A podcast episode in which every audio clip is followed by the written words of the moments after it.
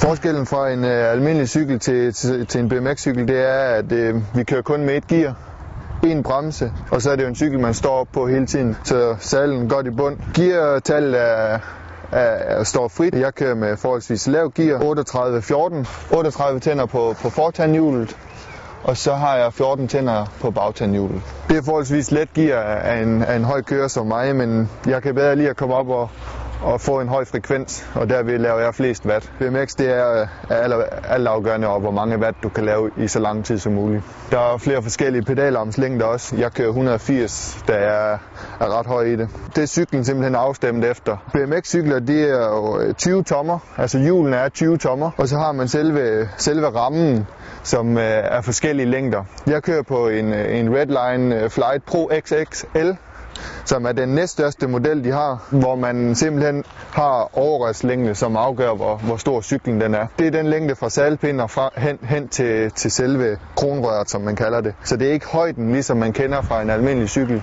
Der er jo forskellige typer dæk. Der er jo knopdæk, som, som mange kører med øh, i BMX, og det har været meget brugt førhen, inden man fik asfaltsving. Nu der bruger man sådan et, øh, et, et sliksdæk som det her, eller semisliks, hvor det er forholdsvis glat, men stadigvæk har noget mønster. Selvfølgelig når det er regnvejr, så er man nødt til at have et, have et lidt grovere dæk på til at, at man kan få noget bid, eller så vil hjulet bare spænde rundt, ligesom, ligesom i motorsport, hvis du kører på, på glatte dæk, når det regner så spænder de også. Men ellers så står man jo op hele tiden, og det er derfor, at styret det er så højt, som det er. Ellers så vil jo, man stå meget foroverbøjet. Vi kører uden ild, da det er en sprintdisciplin, så det er først bagefter, det bliver ekstremt hårdt. Sådan en omgang øh, på, på 360 meter, det tager de der 5-36 sekunder afhængig af, hvordan banen den lige er lavet. Man siger, at man flytter sig 10 meter i sekundet fra start til slut.